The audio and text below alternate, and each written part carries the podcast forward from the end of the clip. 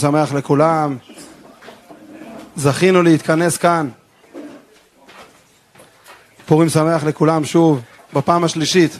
פעם השלישית צריך להביא לפה גלידות.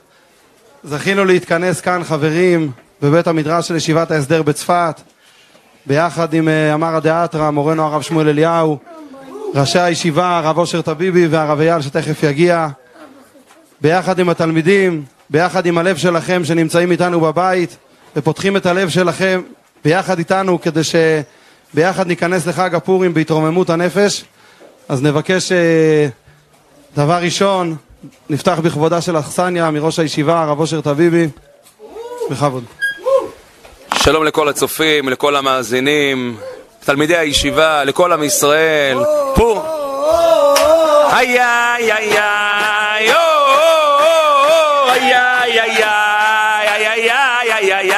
ay, ay, ay, ay, ay, ay, ay, ay, ay, ay, ay, ay, ay, oh, ay, ay, ay, ay,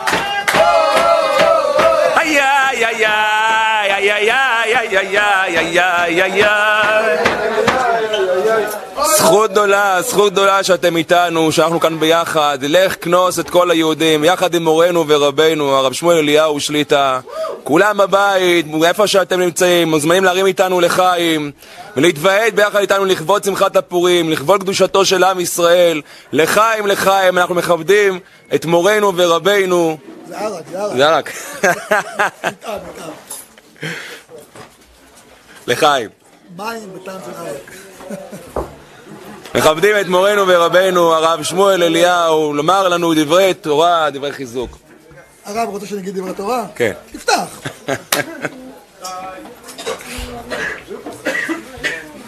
טוב, אני אחמם.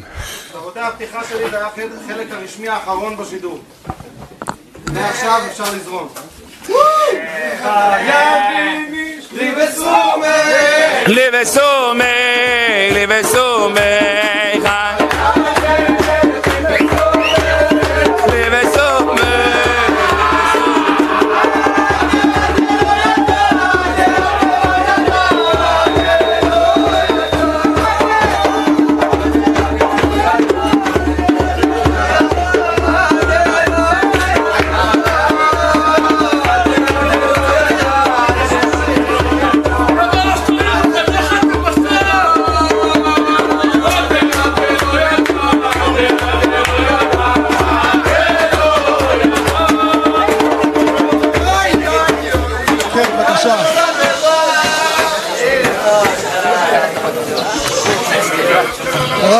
רגיל לומר, הוראה זה תורה, מתוך הוראה באה שמחה, לא?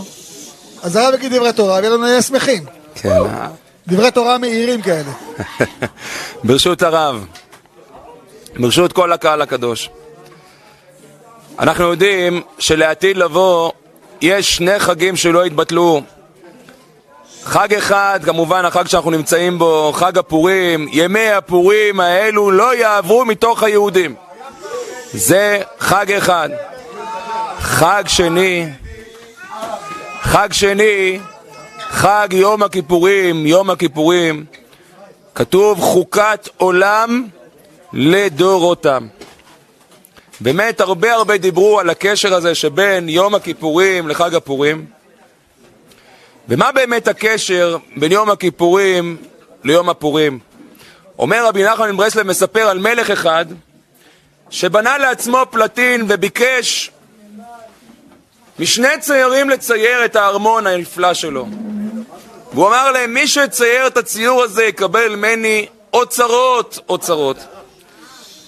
צייר אחד לקח את מצוות המלך ברצינות, שקד על תלמודו, למד את אומנות הפיסול, הציור והחיור, והלך וצייר ציור נפלא למראה. עופות, דגים, יערות, מה לא היה שם? ובאמת, לקראת הדדליין שבו המלך קצב, הוא עמד ועמד בכל הדרישות. ואילו הצייר השני לא שם את ליבו אל מצוות המלך, אמר לעצמו חבל לעשות היום מה שאפשר לעשות מחר. נשמע לא טוב, הרב. יש המשך, הרב. מחכים בקוצר רוח. ביום האחרון, ככה לפני מועד ההגשה, הוא אומר, אוי לי ואבוי לי, מה עשיתי שלא שמתי את ליבי למצוות המלך? מה אני אעשה עכשיו? עלה בדעתו לקחת צבע שחור, מבריק עם לקה, ולמרוח את כל הקיר שלו, שאותו הוא היה צריך לצייר בצבע שחור מבריק, וכיסה את זה בווילון. בא היום, המלך מגיע, פונה לצייר הראשון, כן, מה הכנת לי, כבודו? והוא אומר, אדוני המלך, עשיתי כמיטב יכולתי. הכל לכבודך, המלך. מסיר את הלוט מאחורי הציור, והנה המלך מגלה ציור מדהים למראה. יערות, דגים, עופות, ובמרכז התמונה, במרכז הציור, את הארמון הנפלא של המלך. מדהים. המלך אומר לצייר, תקשיב טוב, צייר יקר שלי, אתה ציירת את הציור היפה ביותר שראיתי ימי חיי. מדהים, מדהים, תודה רבה.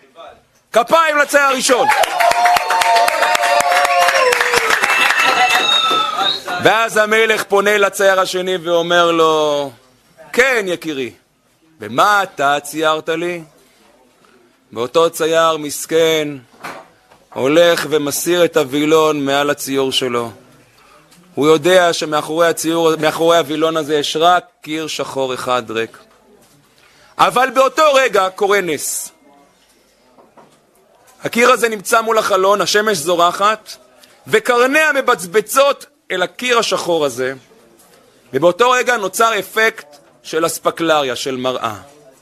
ובמראה הזאת, בקיר השחור הזה שהפך להיות מראה, משתקף הציור הראשון.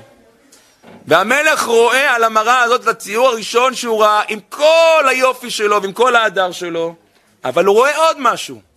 הוא רואה את עצמו בציור הזה.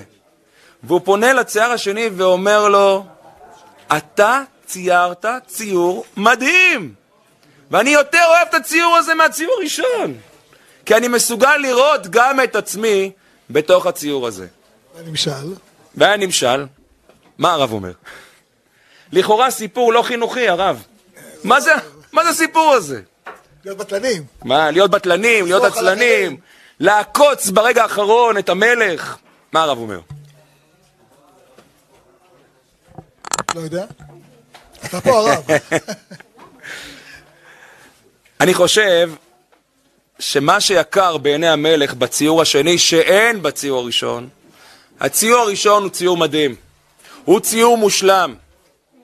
הוא ציור שהצייר הראשון עשה כל מה שהוא יכל. אבל הציור הזה יהיה היום מה שהוא היה אתמול, ויהיה מחר מה שהוא היה היום. הוא ציור סטטי. השני הוא חי.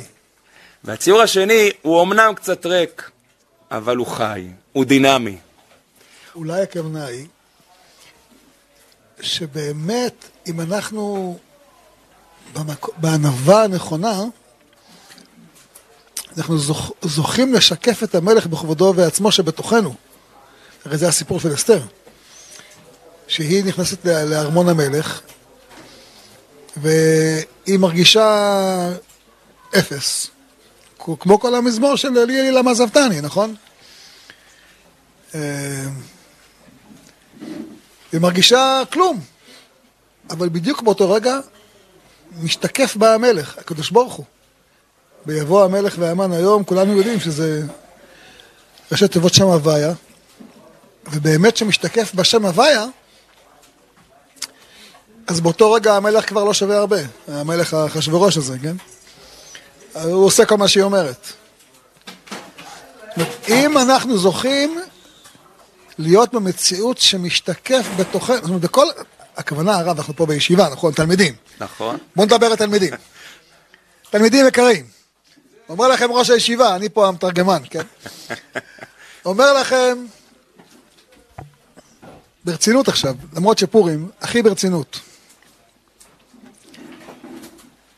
יכול אדם שישתקף בו המלך. זה התכוונת? אני שומע. יכול אדם שישתקף בו מלך מלכי המלכים הקדוש ברוך הוא גוואלד, תעשו גוואלד? עוד פעם? נתרגם לך מה זה גוואלד הרב? מה זה גוואלד? מה זה גוואלד? הצילו אוי ואבוי. יכול אדם שישתקף בו מלך מלכי המלכים, וזה פורים התכוונת. כן. כאילו, אתה רוצה לומר שעכשיו ישתקף בי? מבהיל, אחי. כי יש השם בקרבנו, איי איי,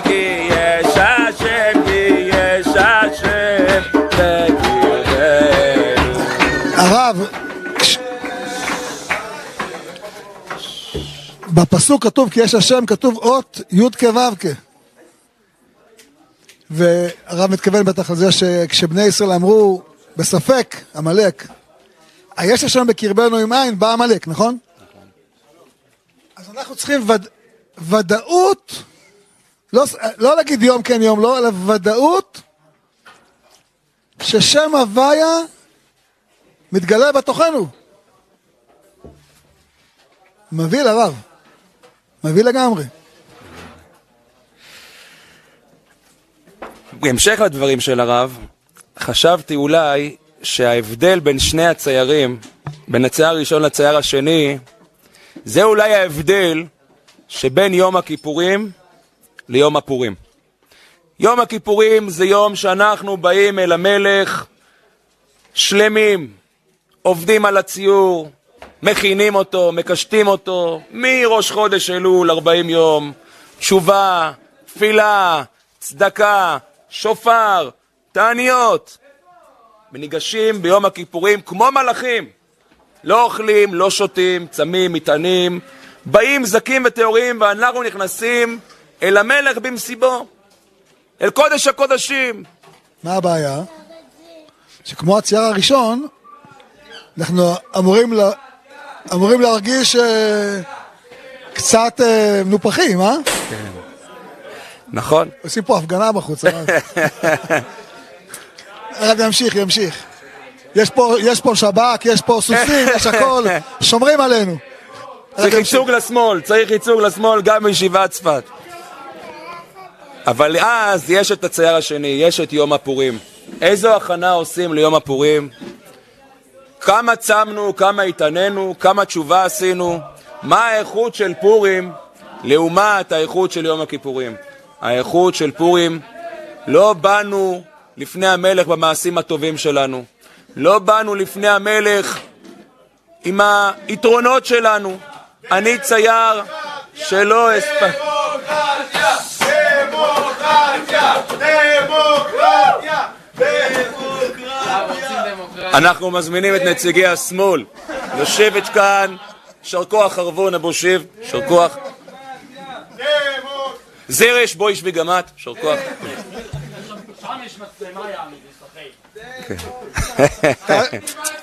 תעשו את זה באנגלית כדי שבחוץ לארץ יראו.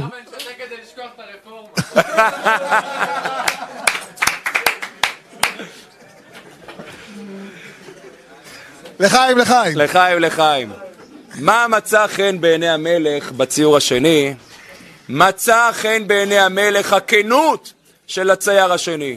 הוא אומר למלך, אני לא באתי עם ציורים נפלאים. אני לא יודע להכין דגים יפים כאלה, ואני לא יודע להכין יערות כאלה וארמון כזה יפה. אני חסר, אדוני המלך. אני עני ואביון, אני בגלות, אני בחושך, אני בהסתר. ובכל זאת אני כאן. עמדתי. לפניך, בן שלך. בבקשה, המלך, אתה יכול להסתכל על הציור שלי? והמלך קרוב השם לכל קוריו, לכל אשר יקראו באמת. האיכות של יום הפורים, הרב, היא האמת. יש לי בשבילך על זה משהו, שמעתי מהרב דוד אמיתי, או, פירוש כזה יותר מתאים ליום כיפור מאשר לפורים, אבל בסוף זה עובר לפורים. אומר, עושה חשבון, כתוב שהמשתה היה 180 יום של אחשוורוש, נכון? מסתור מאחשוורוש, ראש חתונה למלכים זה א' ניסן. אם אתה לוקח מניסן ועד תשרה, יש לך חודש מלא, חודש חסר. 1.29, 1.30. אז 180 יום, זה שישה חודשים ועוד שלושה ימים, נכון? זאת אומרת, בג' תשרה מסתיימים ב-180 יום. עוד שבעה ימים, מתי זה יוצא? יום כיפור. יום כיפור אחשוורוש מרגיש כמו כהן גדול, נכון? כתוב לבש בגדי כהן גדול, כלי המקדש. כלי מקדש. הוא עושה פוזה, הוא עושה פוזה. כלים מכלים שונים, כמו שלמה המלך, כמו אהרון הכהן, שלום, peace and love. דמוקרטיה. איפה הדמוקרטיה? דמוקרטיה! דמוקרטיה! דמוקרטיה! זהו, הבנו, אה, אה, הבנו כבר. די, הרב חלאס. יגיד אתם תפגינו, כשאתם לא, הרב לא יגיד אתם לא תפגינו. יישר כוח. יש פה, זה דמוקרטיה. הדיקטטורה של הדמוקרטיה. כן. כבר התבלבלתי. טוב, נחזור לעצמנו. לחיים, לחיים. חיים טובים לא לשלום. בירכתי. זה יין? זה יין ליקר? משובח הרב מאוד מאוד מאוד. תוצרת הארץ? תוצרת הארץ. אוצר... אפילו פה בצפת. לא, לא להשתכר. אני לא משתכר, רק שותה קצת. ברוך אתה אדוני, אלוהינו מלך העולם, בורא פרי הגפן. אבל אני רוצה לשאול שאלת הרב, אם, אם מצאתי חן בעיניך המלך, ואם על המלך טוב לעשות את שאלתי. רבי נחמן לא אומר למי המלך נתן את האוצר בסוף. לצייר הראשון, המעולה, המצוין, הטוב, השאפתן, או לצייר הכנה, שאין לו מה למכור, אבל הוא נוכח מאוד. יש הרבה פעמים, הרב, מתח בין היכולת להיות מצוינים, כן, כמו שזה ערך מאוד גדול בבתי הספר, בתיכונים, בלימודי הליבה, להיות מצוינים, להיות מצוינים בתורה, במצוות, להיות מלאכים. ומצד שני, להיות אני, להיות כנה, להיות אמיתי. אפשר ששני הציורים האלה ילכו ביחד, הרב? אפשר להסתכל במראה ולראות את הציור הראשון? אפשר לייצר חינוך שואף למצוינות וביחד עם זה כנה ואמיתי ונוכח? זה כל המגילה. כל המגילה רואים אה, לא את, ה, את הפסיביות, כמו שהייתה בהתחלה. טוב, כך קורה, נזרום עם המציאות. אלא אתה רואה את ההתאמצות גם של מרדכי, שהוא קורע את בגדיו, לובש שק ואפר, זועק זעקה גדולה ומרה, של אסתר, שהיא היא, היא, היא מתאבדת, כאשר עבדתי עבדתי. וכשהיא באה, כשהיא באה, אני, כשקראתי היום את המגילה, חשבתי בליבי, כשהיא באה ואומרת, איש צר ואויב המן הרע הזה, לא פשוט שהתוצאה תהיה כמו שקרתה. יכול להיות שברגע שהיא חושפת את הקלפים, יתהפך עליה אחשוורוש ויגמור אותה. הוא מסוגל, נכון? כמו שהוא עושה לבשתי. התוצאה שהוא, אה, המלך קם בחמתו, זה לא טבעי בכלל. זאת אומרת, היא שמה נפשה בכפה, היא באמת מתאמצת. והגמרא אומרת, מה ראתה אסתר שהזמינה את המן לאחשוורוש למשתה, ויש לה, כמה תירוצים שם בגמרא? זה 15, לא 16? הרבה תירוצים יש שם בגמרא. זאת אומרת, הכל היה ב- בשיא החשיבה והתכנון והתזמון. עם זאת, היא אומרת, אה, ואנוכי תולעת ולא איש, אכפת אדם ובזוי עם. זאת אומרת, מצד אחד שיא הענווה, מצד שני שיא העוצמה, ותכתוב אסתר את כל תוקף. אנחנו כולנו מכירים את הגמרא, מסבירה את כל תוקף, נכון? איזה עוצמה יש לה של תוקף. כתבונו לדורות. גם תוקף מול אחשוורוש, גם תוקף מול המן, גם תוקף מול עם ישראל, והתוקף שלה הוא בסוף מגיע לעם ישראל, שהם בעיניי, ב... זה, זה כל הנס, שנקהלו היהודים לעמוד לנפשם. מפני כל חיל עם ומדינה צרים אותם. אגב, שמתי לב במגילה, שהציווי היה שהם יילחמו במי שנלחם בהם, יעני רק מלחמת הגנה. אבל בפועל, מי שקורא את האותיות הקטנות רואה שזה לא בדיוק היה כך, ופה כל שומרי החוק צריך, צריכים למחות. למחות! דמוקרטיה! דמוקרטיה! בדיוק. למה? אז תשב ותפגין בישיבה. אתה בישיבה, תפגין בישיבה. אז אה, הרב, הם בסוף הלכו על כל האויבים וכל כל השונאים, לא מי שהתקיף אותם. טוב, לא משנה, נשאיר את זה ליועצת המשפטית לממשלה, היא תטפל בנושאים. אבל מה שעניין הוא חשוב, הכוח הזה שהם מתאמצים להילחם. מאוד מזכיר את מה שהיה פה בצפת בתש"ח, או בכל הארץ בתש"ח, או בכל הארץ מאז ועד היום. זאת אומרת, גם שני הדברים האלה ביחד, גם זה וגם זה. אה, הרב, יש לי, אם הרב מדבר על אה, ההשתקפות, יש לי איזה פירוש שראיתי אותו היום. יש לכם ראש למשהו רציני? משהו רציני, תקשיבו טוב.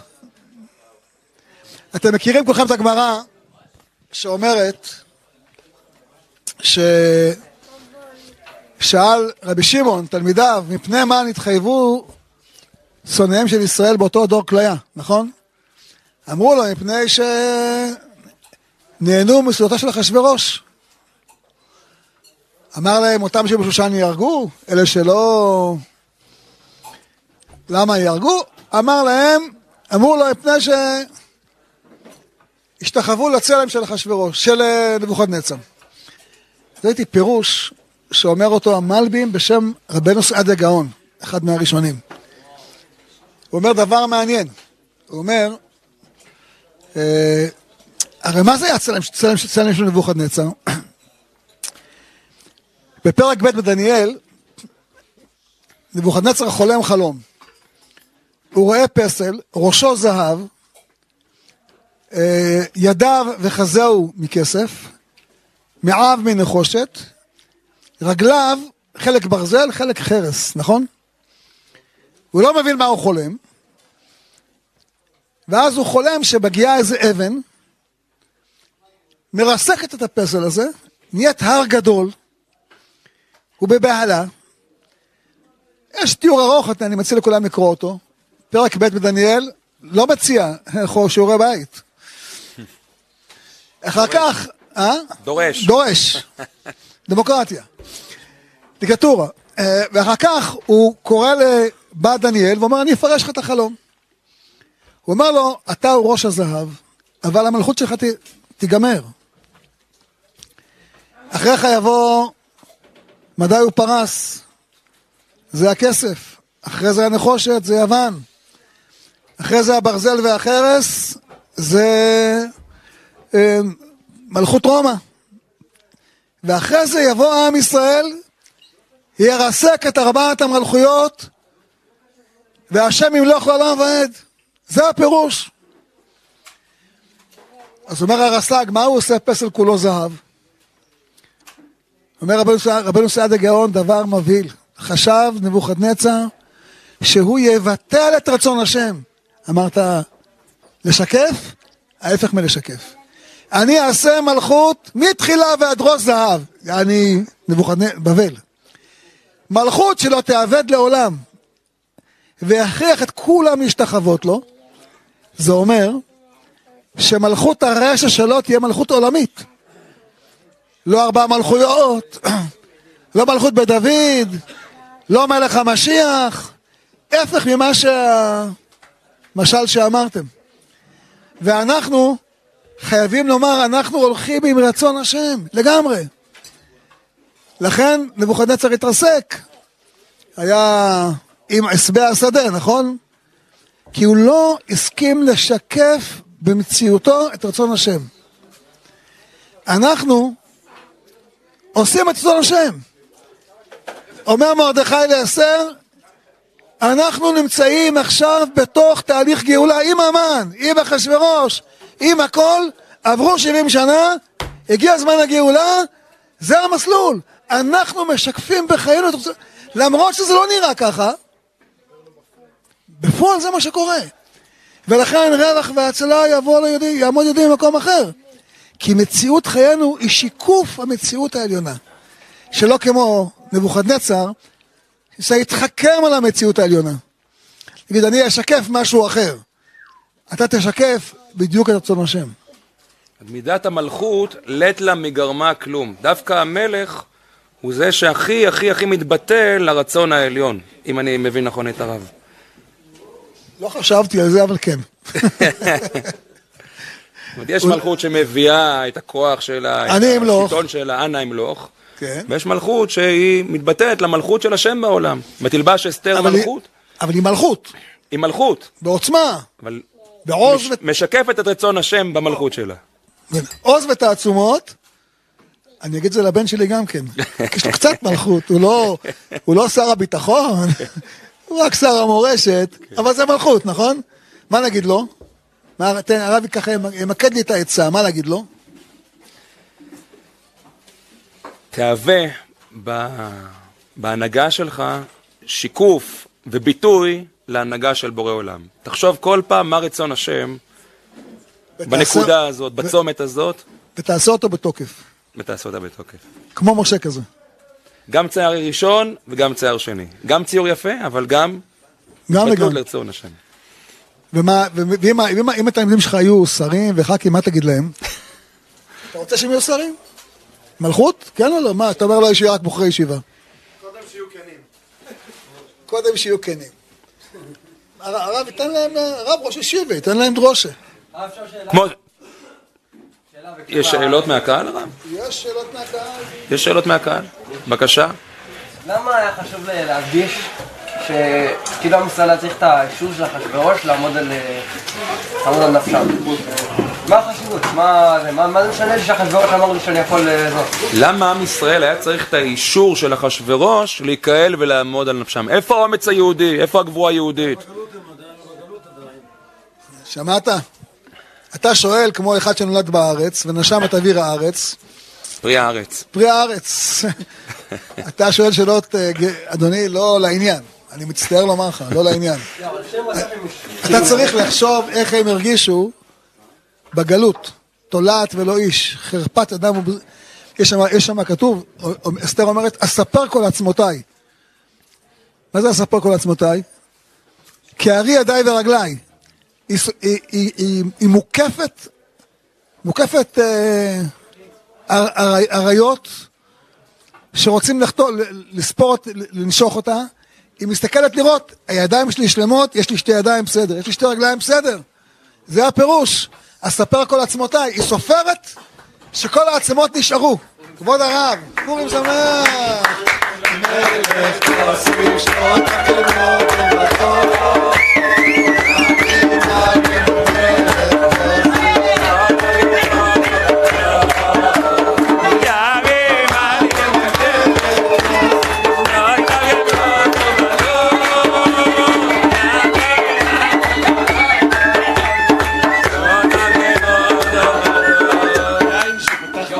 עכשיו בבית, אנחנו- אנחנו, אנ- אני והילדים בצרנו את הענבים בהר מירון, דרכנו עליהם עם הרגליים, נקיות, ושמרנו, ערבבנו, סדר, התפללנו, בירכנו, והיום פתחנו, היה קדוש הצער, אה, קדוש שנת שביעית, לא הצער, קדוש שנת שביעית, לגמרי. פעם ראשונה, אז אחרי זה אנחנו נעשה לחיים. זה קצת לס- לסלחנות, כי פעם ראשונה שאני עושה יין בחיים, אז זה קצת סלחנות. זה בסדר, הרב, שתינו כמה כוסות יין קודם, אתה יכול להביא לנו. ארבעה כוסיות, הרב, אני, אני רוצה לומר לך, אחשוורוש הביא כוסות אה, משוחבכות, פה זה, מה זה? הנה, בוא, נעשה כוס אה, מכובדת. בבקשה. כן. טוב, אז נחזור ונאמר, הרב, אנחנו בדיוק דנים עכשיו, דנים, דנים עכשיו בשאלה איך תלמידי הישיבה, כתוב על, אה, הקדוש ברוך הוא אומר ל, ל, לאברהם אבינו, הוא אומר לאסתר, מלכים מחלציך יצאו, נכון? ממלכת כהנים. אז איך יוצרים מלכות עם עוצמה, עוז וענווה? שפה הרב אה, נתן משל, על, אה, הביא מרבי נחמן, על אה, שני ציירים, שאחד צייר ציור בכל הכישרון, ואחד רק שיקף אותו. והוא אמר, החידוש של הרב היה שצריך את שני הכוחות, גם להיות הצייר המוצלם וגם לדעת שאתה רק משקף. איך עושים את זה? מצד אחד, יום כיפור? אל תדמי בנפשך למלא בית המלך, מצד שני, רווח והצלה יעמוד לדין במקום אחר. כן. מצד אחד, מצד אחד, מצד אחד מרדכי אה, מספר לעתך את כל אשר קראו, את פרשת הכסף אשר אמר המן, ויזעק זעקה גדולה ומרה, ויצא בתוך, בתוך העיר, עם שק ואפר, הוא לא... זה. מצד שני, כשהוא רואה את המן אחרי זה, כשהוא רואה את המן יוצא מהמשתה הראשון, כן? אז מה, זה לא רק שמרדכי לא, לא קם להשתחוות עכשיו, סכנת נפשות כבר זה, לא קם ולא זע ממנו. הוא לא זז, לא, לא, הוא בכלל לא, לא מתרשם ממנו. לא קם ולא זע ממנו. היה, היה צריך קודם כל להיבהל, כמו שאדם רואה נחש. עכשיו כבר, זה, אתה יודע על הספרים, אתה יודע על מחשבת, אתה שק ואפר. על זה אתה צועק. אתה צועק ולא זז. איך אומר האדמו"ר הזקן? אתה משתדל ולא מוטרד. אתה משתדל ולא מוטרד. וזה סוד גדול של מלך, זה, זה מלכות, זה מלכות. שהיא משתדלת באמת, בך ערוץ גדול ולא יד הלא יקשור, לא, אבל יש בה איזו ש... שלווה פנימית, איזה שקט פנימי, וזה כנראה, זה כנראה עומק העניין, כמו שהרב אומר, זה עומק העניין של פורים. ש... שותפים של הוויה. אה, כן, כן. אה, הרב הסביר מה. לא, הסברנו קודם. אה, כן, כן. הרב קוק אומר שהכוח של מידת המלכות, החיסרון שלה, זה היתרון שלה. כן, דווקא שזה שהיא אין לה מגרמה כלום, היא לא נלחמת את המלחמה שלה, כן. היא נלחמת את מלחמת השם. ולכאורה זה חיסרון, זה ענווה, אבל דווקא הענווה הזאת היא העוז הכי גדול.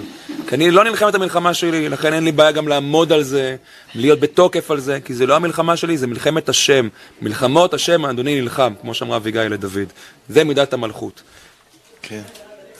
ובפורים זה כל כך חזק, שאנחנו לא רק נלחמים את המלחמות של השם, אנחנו גם אוכלים בלחמו של השם, אנחנו שותים בעינו של השם, אנחנו, אה, אנחנו בעצמנו, כן, כמו שהרי הקדוש כותב, משלוח מנות איש לרעהו, משלוח מנות, מנות זה מזכיר את המילה מן. גם המן מזכיר את, ה... את המן. אשר גידלו המלך, אשר נישאו מעל כל העמי, השרים ועבדי המלך. יש פה איזה משהו שמצד אחד אנחנו אה, אוכלים אה, לחם, שולחים מנות שאפינו, שבישלנו, אבל זה לחם מן השמיים. זה משלוח מנות. זה ממש, כן, זה ממש המן שיורד מן השמיים.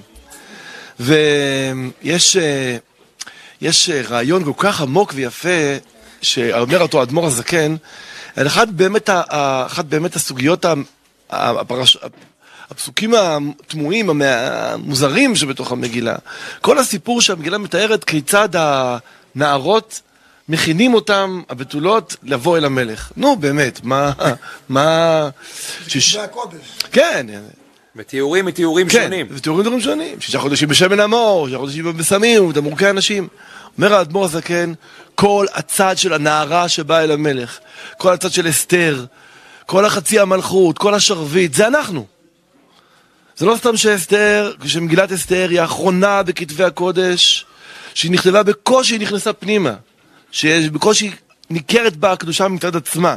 אבל הקדוש ברוך הוא נותן לנו את חצי המלכות. את התורה שבעל פה. וקיימו וקיבלו היהודים, קיימו למעלה מה שקיבלו למטה. אנחנו בעצם הופכים להיות ממש עם שרביט, הוא מושיט לנו את השרביט ואומר, אני עכשיו בא דרככם. אז אומר האדמו"ר הזקן, שישה חודשים בשמן המור, ושישה חודשים בסמים ובתמרוקי אנשים, ובזה הנערה באה אל המלך. מה זה התוספת ובזה הנערה? למה כתוב ואז הנערה, או ו... והנערה באה אל המלך?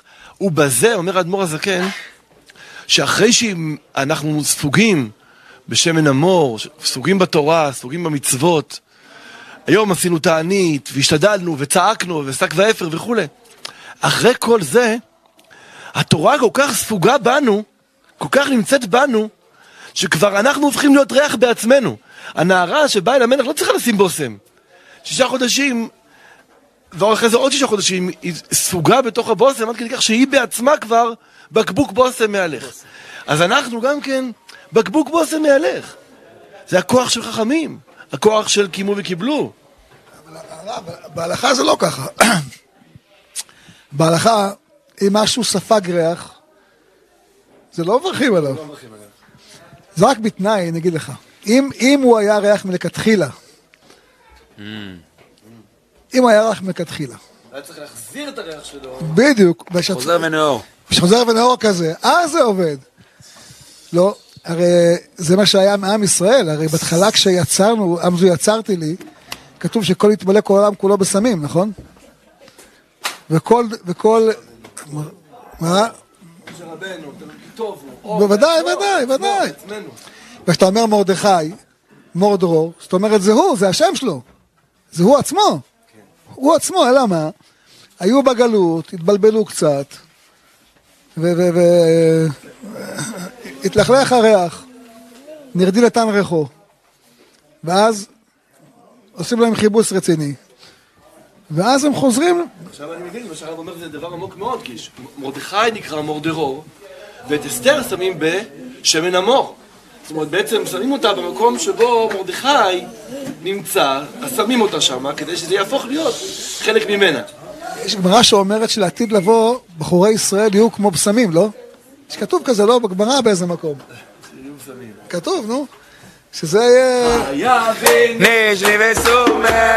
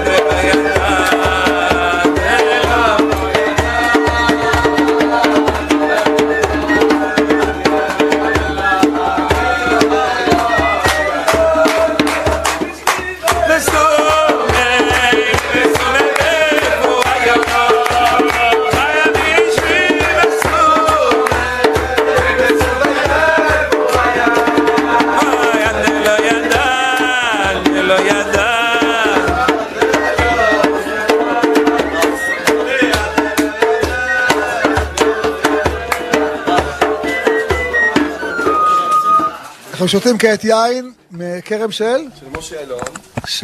שהוא, יש לו כרם חשובה, שהוא מתפרנס ממנה, יש לו יקב. והוא אמר לנו, תשמעו, אני הפקר- אני הפקרתי את הכרם שלי אה, בשביעית, מי שרוצה יכול לבוא לבצור. בת להשם זה אבל. שבת להשם. כן. אנחנו הגענו שם אה, ממש בבוקר מוקדם, שש בבוקר, משהו כזה הגענו, והוא הגיע ביחד איתנו. עכשיו, מה זה גיבורי כוח עושי דברו, לשמוע בכל דברו, שרואה, כן? אנשים אחרים לוקחים את הכרם, את- הענבים שלו, את הפרנסה שלו. זה לא שהוא שתק, הוא שמח כל כך, הוא הסתכל עלינו וראה אותנו, כן? הולכים וכותבים את כל הזה, ונתן לנו עצות איך לזמור ואיך לארוז את זה ואיך לעשות את היין יותר טוב. וכולו שמחה על זה ש... אה, שאנחנו אה, מתפזרים לו על הכרם ושותים את... אה, ואוכלים את, אה, את, את ענביו. נבדוק את זה עכשיו. בזהירות, אני אני עם פחד. אני כבר בירכתי על היין קודם. אה, זה לא- זה לא בסעודה. לא בסעודה. צריך סעודה. ריח טוב. אה, דיברנו על הריח, הדסה ומרדכי. הכל פה ריח, וסומי, והריח של שמן המור. ברוך אתה אדוני אלוהינו מלך העולם בורא פרי הגפן. יפה מאוד. הוא חזק, הוא חזק, הוא יין צעיר. אני צריך קצת לנער אותו. ציר 1947. הרב, יש לי איזה- קושייה. שושן 12 חודש בשנת הצלון. יש לי קושייה, הרב. ילדים. קושייה על המגילה. שהיא קשורה לכל מה שאמרנו קודם. כתוב בספר עזרא בתחילתו, שכשזרובבל מגיע לארץ ישראל, אה, בימי כורש, אז כתוב, ואלה העולים, אלה בני המדינה העולים מש- משבי הגולה, הגולה אשר גילה נבוכדנצר מלך בבל, אשר באו מזרובבל, ישועה, נחמיה, שריה, רעליה, מרדכי בלשן. זאת אומרת, מרדכי למעשה כבר עלה לארץ ישראל עם זרובבל, בימי כורש. זאת אומרת, זה, יש לנו חמש שנים של כורש ודריווש, ועוד אה, כמה שנים עד שהוא אה, אחשוורוש. מה הוא עושה בשושן בכלל? איך הוא הגיע לשם? איך הוא הגיע לשושן בכלל? קושייה, לא? ראיתי פירוש שאומר, נדמה לי הרלב"ג אומר, שכשמרדכי רואה שבית מקדש לא נבנה והכל נתקע, והוא אומר, איפה המפתח של הגאולה נמצא? האם נמצא פה שאני ערב עם טוביה המוני וסנדלת אחורני וגשם הערבי, או המפתח של הגאולה נמצא שם, בשושן. הוא אומר, מרדכי הוא החלוץ הראשון, ממש בקבוצה, בעשירייה הראשונה, נכון? שעולים לארץ ישראל, איך שכורש אומר, הוא לארץ ישראל, הוא נלחם על בית המקדש וכולי, אבל כשהוא רואה שאתה עובד פה, ויש לך, יושב מישהו שם בבית המלכות, ושם הוא סוגר את השער, מה תעשה? המפתח נמצא שם. כדי לבנות את ירושלים, עוזב מרדכי את ירושלים, נוסע לשושן, מתוך מגמה שם. מה? מה לעשות שם? להסיר את העורלה. זאת אומרת, הוא עוצר את ה... כן. הוא עוצר, הוא עוצר, הוא מנסה. להוציא את, ה... את המחסום, את השרשרות ברזל שנמצאות בשושן, כי בסוף, מאיפה, ה... מאיפה העצירה? העצירה מגיעה משם, משושן. אז הוא אומר, אם העצירה מגיעה משם, אני עכשיו, כדי לבנות את ירושלים, אלך לשושן, ומשושן יפתח את הזה, כדי שנוכל להחזיר לבנות את בית המקדש. אנחנו רואים איזה משהו ש... שמרדכי עשה, זאת אומרת, ברור, השם גלגל לידיו את הסיפור של אסתר ובית המלך ושער המלך, אבל יש איזה משהו שאנחנו כבר רואים שמרדכי התחיל לעשות בכיוון הזה? הנה, הוא עולה. הוא עולה, כן, כן, אבל כשהוא עושה משהו בשושן, אולי עצם העובדה שהוא הולך לשושן. ברור, שהוא נמצא שם. ברור. נמצא שם, משפיע בתוך ה... לא, הרי יש, יש לך המן. המן הרי מנסה לערבב את ישראל. ראיתי פירוש, כותב החתם סופר, על נהנו מסעודתו של אותו רשע. אומר, ממה הם נהנו? לא מהדגים וה... לא מזה הם נהנו. הוא אומר, הסעודה שם הייתה הכל המהדרין הרי, אנחנו כתוב קרטון איש ואיש. יש, המהר"ם שיק אומר, שלא היה שם מוזיקה בסעודה, למה? כי הם דתיים. ו...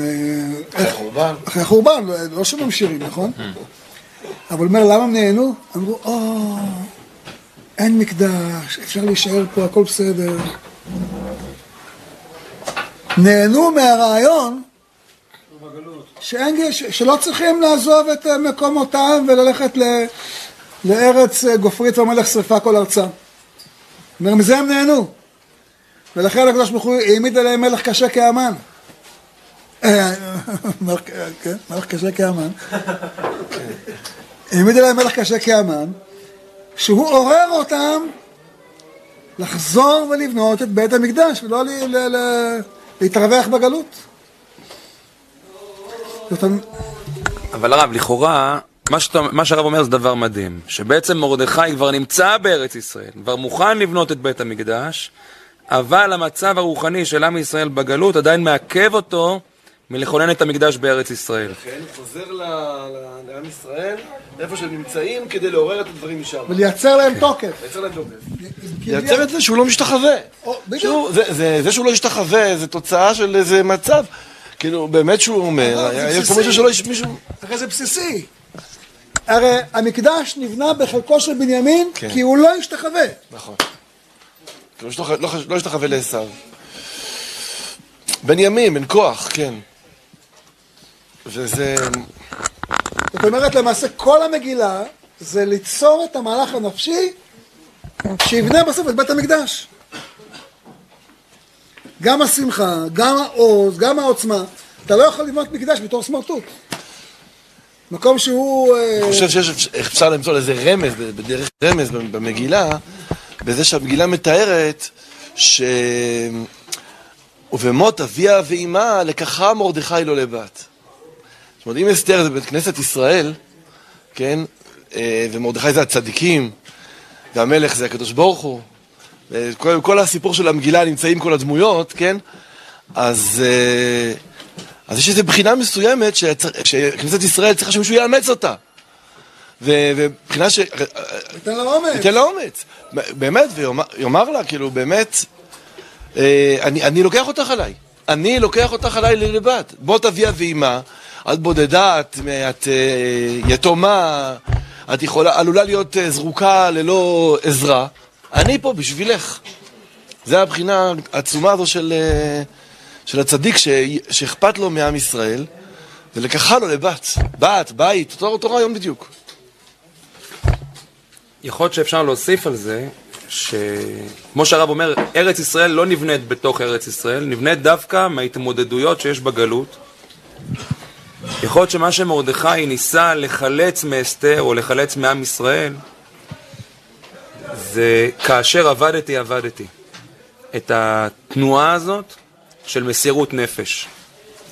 כמו שאנחנו רואים בחוש, בדור האחרון שלנו, שהעוצמות שעמדו לעם ישראל בכניסה לארץ, בכיבוש, בירושה של הארץ, ב-48, פה בצפת. פה בצפת, אולי נבנו בדרך נסתרת על העוצמות וכוחות הנפש של אושוויץ, ששם הגופים נמחקים, אבל הרוח איתנה. והיה יהודי אחד ב... שזכה לעלות לארץ ישראל, שמענו את הסיפור הזה מהרב קריגר בשם עולם, אמר, הוא לא יכל להיות בבית הכנסת כשקוראים שמע ישראל, כי כשקוראים שמע ישראל בכנסת כולם עוצמים את העיניים וקוראים שמע ישראל, השם אלוקינו, ולא זה הזכיר את קריאות שמע ישראל שהיו שם במחנות באושוויץ. איזה עוצמה התגלתה שם בתוך התופת שהגוף מושמד, ודווקא כשהגוף מושמד עם ישראל צריך להיאחז ברוח, באמונה הגדולה, וכאשר עבדתי עבדתי. ודווקא ההרס של הגוף הוא מצמיח את הרוח האיתנה. ואולי זה מה שמבין מרדכי, שדווקא ההשמדה הזאת שהמן רוצה להשמיד, היא מקום לפריחה ולצמיחה של רוח חדשה, שלא הייתה לעם ישראל עד עכשיו, של כאשר עבדתי עבדתי. יש לי הוכחה בשבילך הרב. הוכחה. פסוק, אני אפתח את הפסוק. איך... בואו נעשה לכם מבחן, תלמידים יקרים. המזמור של, של אה, אסתר המלכה, כ"ב, איך הוא מסתיים? שלושת המילים האחרונות?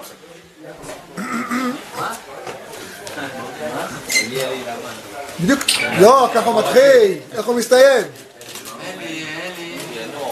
מסתיים, נקרא לכם.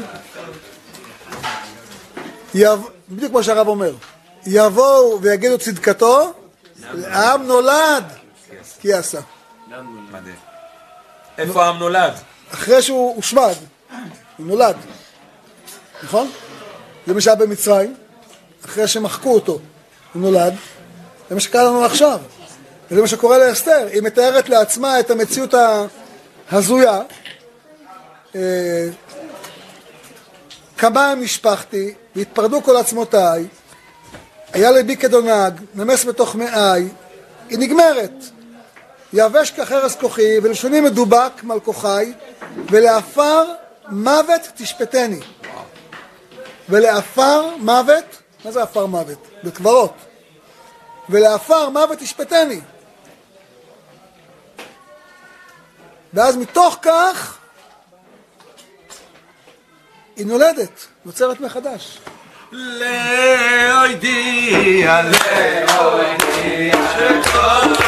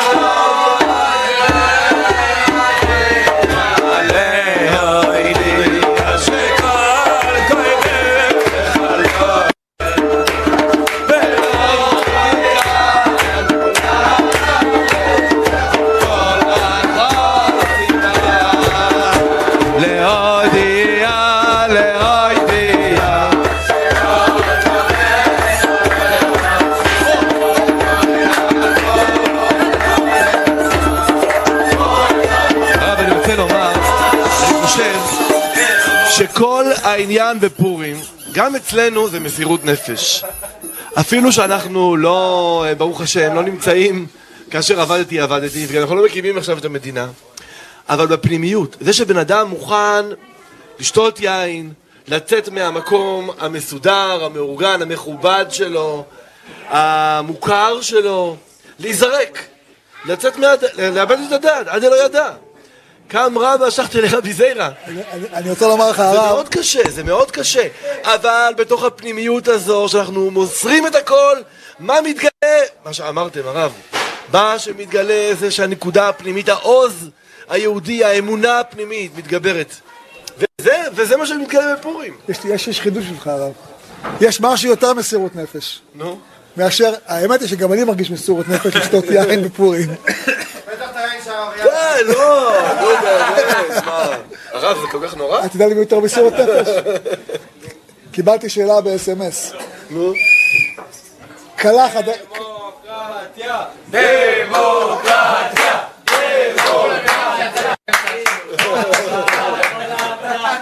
אתה לא יצא, זה יוצא בהפגניתיות.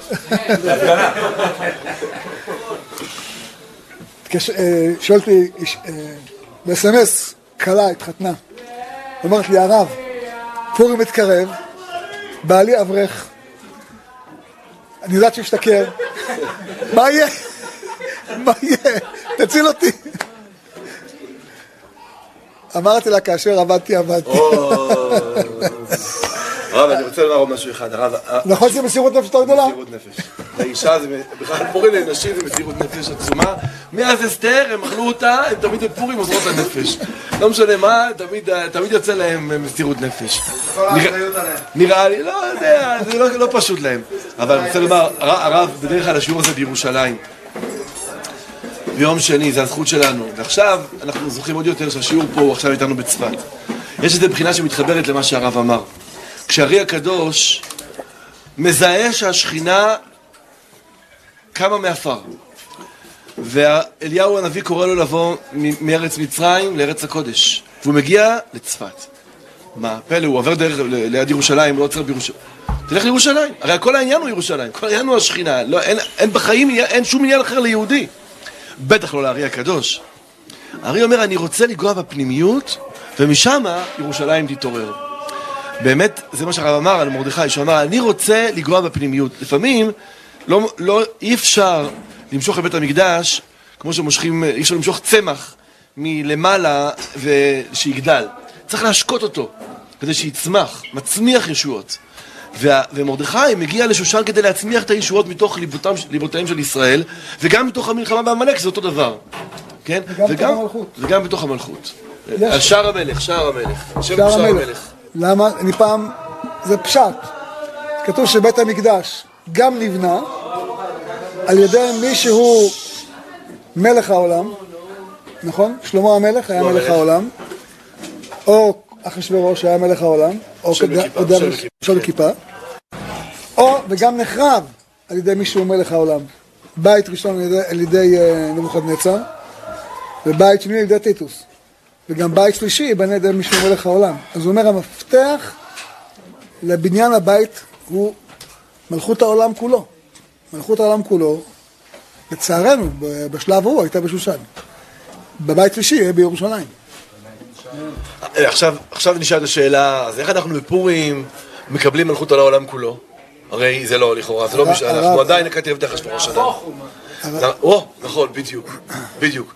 בזה שאנחנו, כמו שמרדכי, המגילה מסתיימת, דובר שלום, בזה שאנחנו בפורים מתחפשים לכל העולם, דומים לכל העולם ובעצם קשורים אל השורש של כל העולם. הוא נראה כמו אה, אה, פיראט, והוא נראה כמו ערבי, והוא נראה כמו אמריקאי, והוא נראה כמו זה, אנחנו תופסים את כל הגוונין, את כל החן, תופסים את כל הגוונים שיש בעולם, בשורש שלהם, כן, ואומרים, כולם בעצם בעיני כל רואה. כולם, כי- אהפוך את כל הארץ שפה אחת. כל, כל הארץ, כולם מתהפכים. בדיוק, נהפוך, כולם מתהפכים להיות דבר אחד. אז בפורים, הרב פעם שמעתי מיהודי כאן בצפת, הוא אמר, הוא אמר, אה, הוא אמר לי, "אה, אני הייתי הרבה הולך עם הרב שלמה קרליבך. אמרתי לו, נו, אז ספר לי משהו שהוא אמר, פעם ששמעת ממנו. הוא אמר, לא, אני לא זוכר, נו, בכל אופן משהו. אז הוא אמר, פעם אחת, אני זוכר, הלכתי איתו בפורים, רב שלמה קרא לי בחיי כבר שיכור לגמרי, ואני מחזיק אותו והולכים ככה ברחוב. אז רב שלמה עוצר, ואומר לי, מוישלה, זה מוישלה, זה מוישלה, אתה יודע מה ההבדל בין גוי שיכור ליהודי שיכור?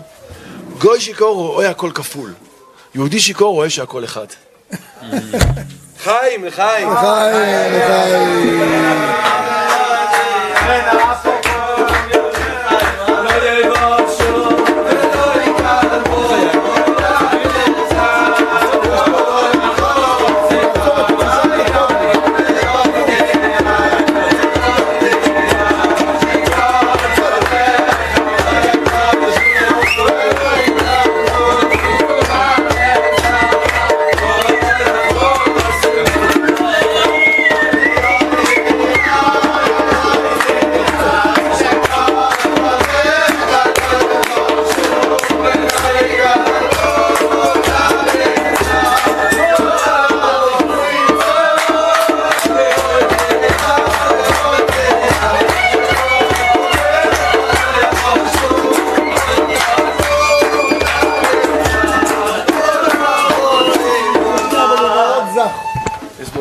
זך. אני רוצה לשאול את הרב, אם אפשר, כן. מה שאלתך עוד, יכול אסתר לשאול מה המלכה. שאתה רוצה, אני לא מחילה יכול- שאני עושה את הרב אחשוורוש, לא נעים לי מכל העניין אתה יכול הזה, אבל... לשאול, אני לא מתחייב לענות. כן. כתוב בשיר, בפסוק, לא כל אחד מאיתנו הוא אחשוורוש, זה כתוב מפורש. אז אה, שאל אותי תלמיד, ואני מאמין שגם הצופים נשמע כמו בבית... בדיחה, אבל זה נשמע מאוד רציני פה לכל הישיבה. כל אחד, אה, לא המלך. ישקף את המלך. שאל אותי תלמיד, ושיתפתי את זה גם את התלמידים הבוקר, ואני רוצה לשאול את הרב, כי זה באמת מעניין אותי מה הרב אומר על זה. איך אפשר לשמוח בפורים, הרב, כשהמציאות שמסביבנו כל כך לא פשוטה, כל כך מורכבת? אנחנו בשבוע שעבר איבדנו שני אחים, וגם קודם עוד שני אחים, במציאות הפוליטית, במציאות החברתית. ויש תחושה אולי שלפעמים זה לא כל כך קל לשמוח בפורים. אז איך שואבים שמחה? מאיפה, מאיפה מקבלים את הכוח לשמוח, הרב? אוי, הנחה של פורים. אה, תעשו אח.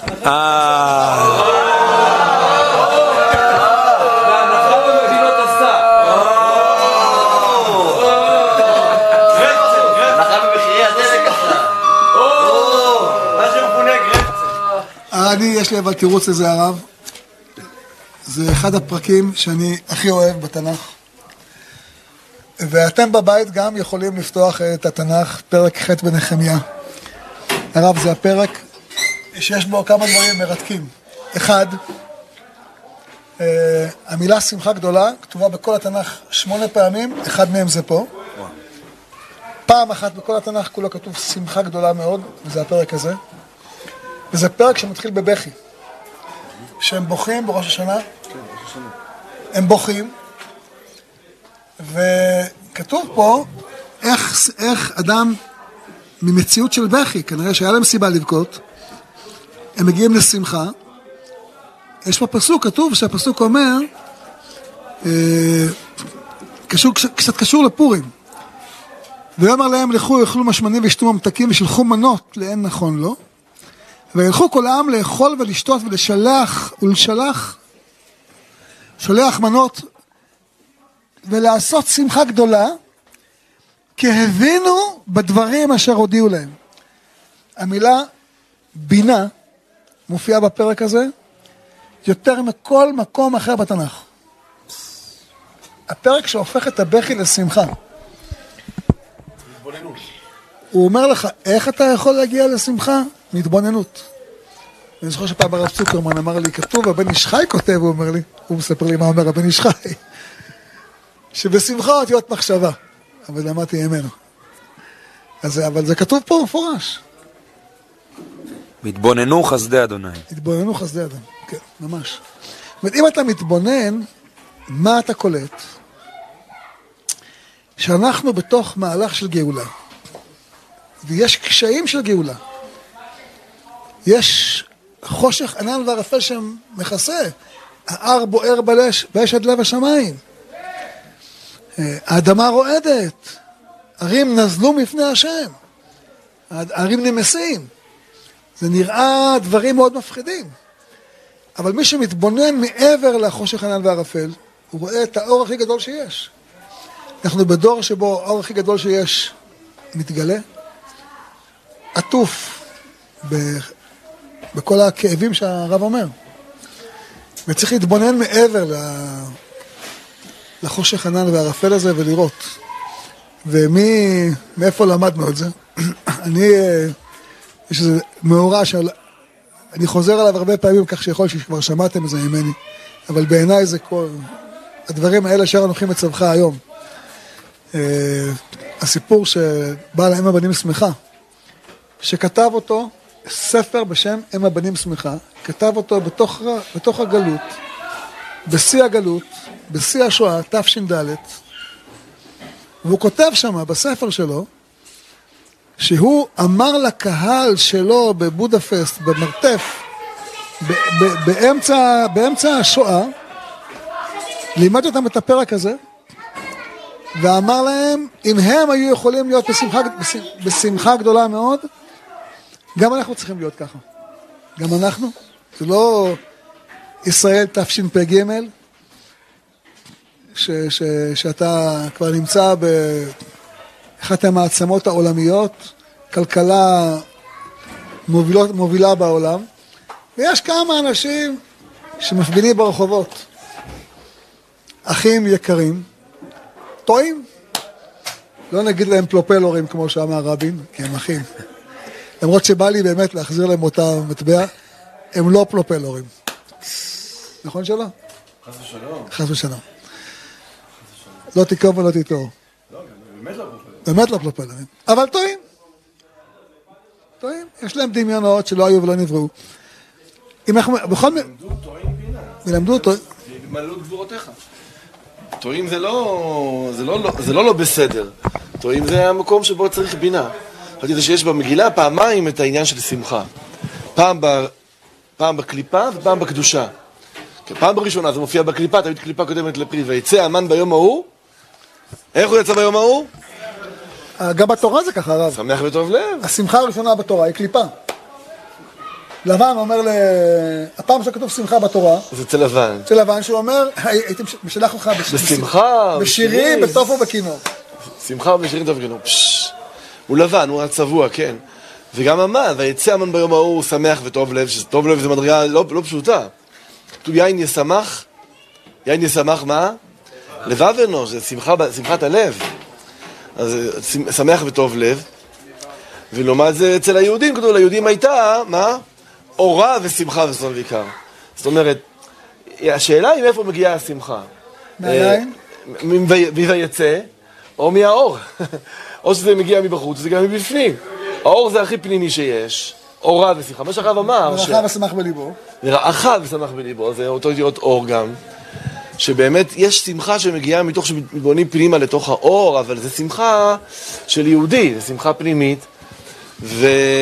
ובפורים, בפורים אנחנו מצווים לשמוח. ואנחנו... לעשות אותם עם משתה, לעשות אותם עם משתה ושמחה, לעשות עם משתה ושמחה. איך אפשר לצרות בן אדם לשמוח? הוא אומר, שמח, שמח, לא שמח, לא שמח, בסדר? אתה רואה? הנה המן יצא ביום ההוא שמח טוב לב, ואמר, וכל זה איננו שווה לי. הוא לא שמח באמת, הוא לא יכול... אבל אנחנו, בתוך כל המצב שלנו, מצווים עם ישראל להגיע למדרגה של השמחה, כמו שהרב אמר, על הבינה, על האורה. וזו מדרגה מאוד מאוד גבוהה שהיא ממש עוז וחדווה חדווה במקומו, זו מדרגה שהיא מעין, ממש אה, מעין לעתיד לבוא, שצדיקים יושבים ועותריהם ברשעיהם נהנים מסביב השכינה. אנחנו מצווים לשמוח וזו מצווה גדולה ומדרגה רוחנית, פנימית גבוהה מאוד. כל אחד מי שיושב בחדר הזה, יכול, אם אני אביא לו עכשיו דף, לרשום עשר סיבות למה לא לשמוח. בלי בעיה. אבל כל אחד מהחדר הזה ששמח הוא יהודי שמקיים את מצוות השם לעשות אותם ימי משתה ושמחה, ובכך הוא מנצח את עמלק. אני שמעתי פעם מהמחותן שלי, מהרב גרינברג, כתוב, אנוכי אסתר אסתיר פניי מהם. מה מסתיר? אסתר אסתיר. אז הוא אומר, מהמילים אסתר אסתיר, אם אתה מוריד פעמיים את המילה סתר סתר, נשארות לך אותיות, איה. איה מקום כבודו. אומר שזה רומז לקטע חוכמה בינה. כך הוא כותב. אז פושט חושך סטרו. כן. שהסתר הוא, הוא, הסתר הוא בעצם מזמין, הוא, הוא מבטא משהו מאוד, כמו שאנחנו אומרים, יוצר אור, הוא בורא חושך. כמו שאומר ישעיהו, ש- ועולם הבריאה הוא גבוה מעולם היצירה. עולם הבריאה גבוה מעולם היצירה, ובאמת יש איזו בחינה שהסתר הסתיר והחושך, ומגלים את המור דרור, מגלים את הבשמים, את הריח הפנימי שעולה מתוכנו, את השמחה הפנימית. זו עבודה גדולה ונהדרת. והיא המדרגה הכי גבוהה, שלא סתם הארי הקדוש כותב, שכל ההערות של כל הימים טובים ושל כל השבתות, של כל השנה, הן לא מתקרבות להערה של פורים. שזה פשוט בלתי נתפס. אה, בפורים לא עושים קידוש, ולא אסורים במלאכה, ולא חייבים אפילו ללבוש בגדים לבגדי... אין מצווה ל, ל, בעיצומו של יום. אין שום מצווה. אבל הרגע הזה זה בדיוק הפוך על הפוך. אין שום מצווה, ולא, בגלל שזה כל כך גבוה שאי אפשר לכתוב את זה. אי אפשר לתפוס את זה, אי אפשר, אי אפשר ל... כמו שכל הכתובים קודש, ושיר השירים קודש קודשים. שקודש, גם בשיר השירים לא מוזכר שם השם. כמו, ב, כמו במגילת אסתר. כי זה כל כך קדוש, כי זה נוגע לעצם הדבר של האהבה בינינו לבין השם. עצם הדודי לי ואני לא. ואני לדודי ודודי לי. וזה מה שקורה בפורים. ולכן זה כל כך גבוה, שאי אפשר אפילו ל, ל, לצמצם את זה למשהו מסוים. הערה כל כך גבוהה. אשרינו, מה אנחנו... לחיים! חיים. ליהודים, ליהודים, מה הייתה היום, וששון בקרב,